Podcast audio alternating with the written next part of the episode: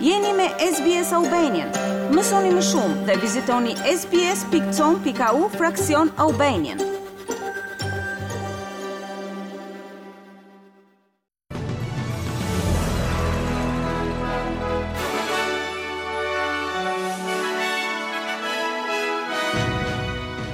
Në buletinin e sotëm informativ do të ndiqni Janë bërë ndryshime në rregullat rreth pensionistëve që duan të punojnë, me qëllim që të lehtësohet mungesa e fuqisë punëtore në Australi.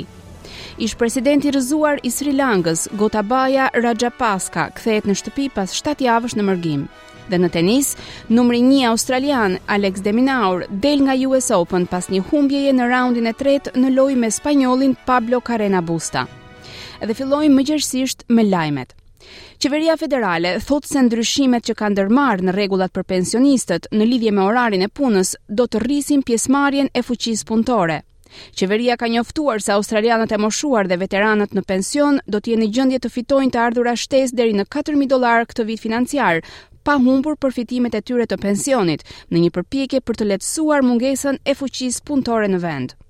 Kjo nismë është një nga 36 të ashtuquajturat plane konkrete të qeverisë që ka dalë nga samiti kombëtar i punës dhe kualifikimeve në Kanberra. Kjo iniciativë është mbështetur nga grupet kryesore të biznesit, si dhe nga avokatët për australianët e moshuar, dhe ministri i Industrisë Ed Husic thotë se e mirëpret. We wanted to be able to see how we could boost skills and boost uh, workers in an economy that's crying out for more people. Donim të shqyrtonim se si mund t'i nxisnim punëtorët dhe aftësitë që kërkon tregu i punës në një ekonomi që po thërret për më shumë njerëz. Kjo është lënë pas dore si çështje për një kohë të gjatë nga qeveria e mëparshme e koalicionit, ndërsa ne po e trajtojmë këtë çështje seriozisht. Për këtë arsye kemi aprovuar rregulla të reja për sa i përket ndryshimit të bonusit të punuarit pas pensionit dhe të të lejuarit të njerëzve në pension që të punojnë pak më shumë pa e humbur pensionin e tyre. Ky është një hap i rëndësishëm për shumë njerëz, ka thënë ministri i Industrisë dhe Shkencës, Ed Husic. Qeveria ka njoftuar gjithashtu planet për të trajtuar krizën e strehimit në Australi përmes një skeme nxitëse që do të tërheqë më shumë fonde nga fondet e pensioneve dhe investitorëve privat për të gjeneruar strehim më të përballueshëm nga të gjithë. Rezultatet e tjera nga samiti i punës janë edhe rritje e normave të emigracionit të kualifikuar, duke ofruar 35.000 vende shtesë për emigracionin këtë vit financiar. Ministrat e Shëndetësisë së Australisë po shqyrtojnë një sërë reformash të propozuara për kirurgjinë kozmetike pas një sërë zbulimesh të dënueshme rreth praktikave të kësaj industrie. Ministrat e Shëndetësisë së Shtetit dhe Territorit u takuan me homologun e tyre federal, Mark Butler, të premten për të diskutuar hapat e tyre ndaj zbulimeve që dolën në dritë këtë javë nga një hetim i pavarur. Hetimi i cili pasoi hetimet e bëra në këtë industri nga media, zbuloi praktika të pasigurta, reklama mashtruese dhe se ka nevojë për një standardizim të kualifikimeve të të punësuarve në këtë industri. Aktualisht, çdo mjek mund të kryejë kirurgji estetike invazive pa trajnimin e duhur. Ndër rregulloret më të ashpra që po shqyrtohen janë ndalimi që njerëzit ta quajnë veten kirurg kozmetik nëse nuk janë dhe standardet minimale të higjienës për industrinë. Reforma të tjera të mundshme përfshijnë gjithashtu ndalimin e përdorimit të dëshmive të pacientëve dhe rregullat që pacient të jenë më të informuar për të drejtat dhe rreziqet para se të bëjnë një ndërhyrje kozmetike. Ish-presidenti i rrëzuar i Sri Lankës, Gotabaya Rajapaska, është kthyer në vend pas 7 javësh në mërgim. Rajapaska u largua nga Sri Lanka në korrik, kur protestuesit sulmuan shtëpinë dhe zyrën e tij, në një shfaqje zemërimi mbi rolin e tij në krizën më të keqe ekonomike të vendit. Por, pasi qëndroi në Tajlandë për një periudhë, ai tani ka zbritur në kryeqytetin e Sri Lankës, Colombo, ku u mirëprit në aeroport nga politikanët e partisë së vet. Rajapaska u largua nga aeroporti me një autokolonë të ruajtur nga ushtarë të armatosur. Trazirat civile në Sri Lanka janë qetësuar që nga rënia e Rajapaska-s nga pushteti, pasi pasardhësi dhe aleati i tij, Ranil Wickremesinghe, i shtypi protestat. Vendi këtë javë arriti një marrëveshje të re paraprake me huadhënësin global, Fondin Monetar Ndërkombëtar, për një paketë shpëtimi prej rreth 2.9 miliard dollarësh. Udhëheqësja e rrëzuar e Myanmarit, Aung San Suu Kyi është dënuar me 3 vjet të tjera burg me punë të rëndë, pasi u shpall fajtore për mashtrimin zgjedhor.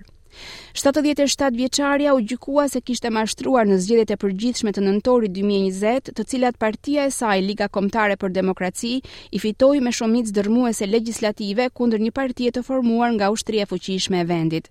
Laureatja Nobeliste dhe kreu i opozitës së Myanmarit, kundrejt sundimit ushtarak që ka zgjatur prej dekadash, është arrestuar që nga grushti i shtetit ushtarak të shkurtit të vitit të kaluar dhe tashmë është dënuar me më shumë se 17 vjet burg.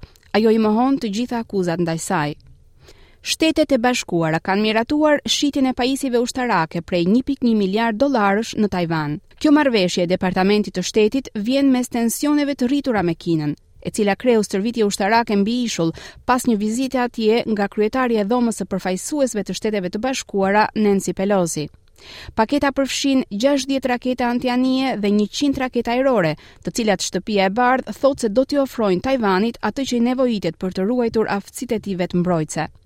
Ministria e Mbrojtjes së Tajvanit ka falënderuar Shtetet e Bashkuara, duke shtuar se aktivitetet e fundit provokative të Kinës përfaqësojnë një kërcënim serioz dhe këto armë do ta ndihmojnë vendin që të përballet me presionin ushtarak nga Kina. Ndërkohë Kina ka reaguar me zemërim dhe zëdhënësi kinez i ambasadës në Washington ka thënë se shitja e mundshme e armëve rrezikon rëndë marrëdhëniet Shtetet e Bashkuara-Kinë. Shtetet e Bashkuara thonë se paketa ishte në shqyrtim prej disa kohësh. Ndërkohë, presidenti i Shteteve të Bashkuara Joe Biden do të presë liderët e kombeve të ishullit të Paqësorit në një mbledhje në Washington në shtator. Shtëpia e Bardhë ka ftuar liderët e 12 vendeve të Paqësorit duke përfshirë ishujt Solomon, Kiribati, Papua Guinea e Re, Vanuatu, Samoa, Tonga dhe Fiji. Është përpjekja e fundit e Shteteve të Bashkuara për të rritur lidhjet e saj me rajonin dhe për të kundërshtuar ndikimin e Kinës në rajonin e Paqësorit. Në një deklaratë, Shtëpia e Bardhë thotë se samiti do të zgjerojë dhe thellojë bashkëpunimin për çështje kyçe, duke përfshirë ndryshimin e klimës, përgjigjen ndaj pandemisë dhe avancimin e një Indo-Paqësori të lirë dhe të hapur. Ministrat e financave nga ekonomitë më të pasura të botës kanë rënë dakord të vendosin një kufi në çmimin që paguajnë për naftën ruse. Kombet e G7 kanë rënë dakord për këtë kufi çmimesh në mënyrë që të reduktojnë fitimet që nxjerr Rusia për të financuar luftën e saj në Ukrainë. Gjermania e cila kryeson G7 këtë vit ka lëshuar një deklaratë që konfirmon kufirin e çmimeve, megjithëse nuk specifikon se ku do të vendoset kufiri ose kur do të zbatohet. Ministri gjerman i Financave, Christian Lindner, thotë se Rusia nuk duhet të përfitojë nga rritja e çmimeve në tregjet globale të naftës. Russland erzielt gegenwärtig hohe Russia is currently making high profits from the export of raw materials such as oil and we want to take a firm stand against this. Rusia aktualisht po nxjerr fitime të larta nga eksporti i lëndëve të para si nafta dhe ne duam të mbajmë një qëndrim të vendosur kundrejt kësaj. Ne në Bashkimin Evropian tashmë kemi vendosur t'u japim fund importeve të naftës në paketën e 6 të sanksioneve. dhe nuk duam që Rusia të vazhdojë të përfitojë nga këto shitje, ka thënë ministri gjerman Lindner. Një tërmet ka goditur rajonin e Britanisë së Re në Papua Guinean e Re. Lëkundjet janë regjistruar me magnitudë 6 ballë dhe një thellësi prej 134 kilometrash, sipas Geoscience Australia. Nuk ka raportime për ndonjë dëmtim apo të lënduar në rajonin e ishullit, në të cilin ndodhen edhe disa vullkane aktive. Aktorja amerikane Jane Fonda ka zbuluar se është diagnostikuar me kancer dhe se ka filluar trajtimin. Aktorja 84-vjeçare, fituese e çmimit Oscar, njoftoi nëpërmjet rrjeteve të saj sociale se është diagnostikuar me non-Hodgkin limfoma, për të cilën ajo thotë se është një formë shumë e trajtueshme e sëmundjes. Fonda, e cila është bërë e njohur për aktivizimin e saj politik, theksoi në njoftimin e saj pabarazitë në sistemin e kujdesit shëndetësor në Shtetet e Bashkuara. Ajo tha se është me fat dhe e privilegjuar sepse ka sigurim shëndetësor dhe akses në mjekët dhe trajtimet më të mira. Fonda gjithashtu premtoi se do të jetë mirë për zgjedhjet afatmesme të Kongresit Amerikan në nëntor, duke i quajtur ato tepër të rëndësishme për klimën dhe çështje të tjera. Fonda është një nga aktorët më të njohur dhe më të vjetra të Hollywoodit, me dy çmime Oscar, dy BAFTA dhe 7 Golden Globes gjatë një karriere prej shumë dekadash.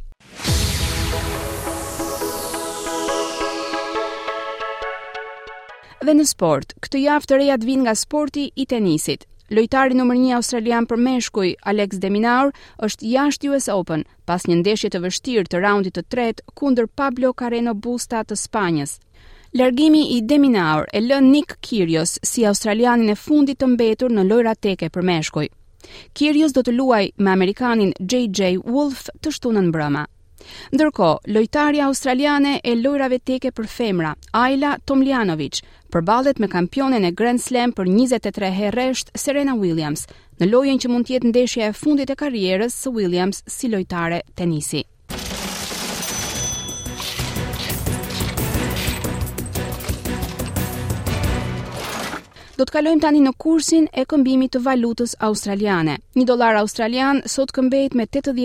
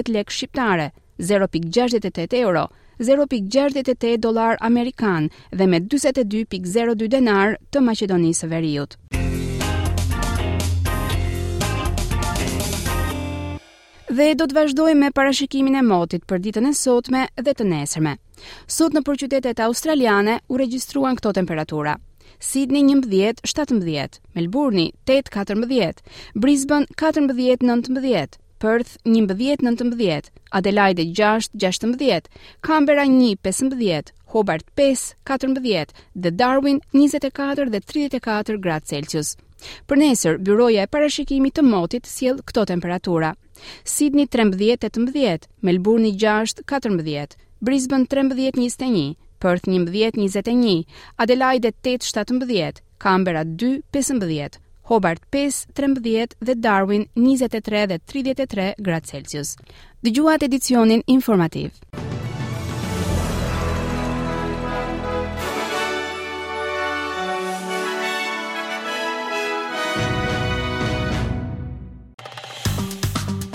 A ju pëlqeu ky reportazh? Për më shumë vizitoni Apple Podcast, Spotify ose faqet e tjera të podcast.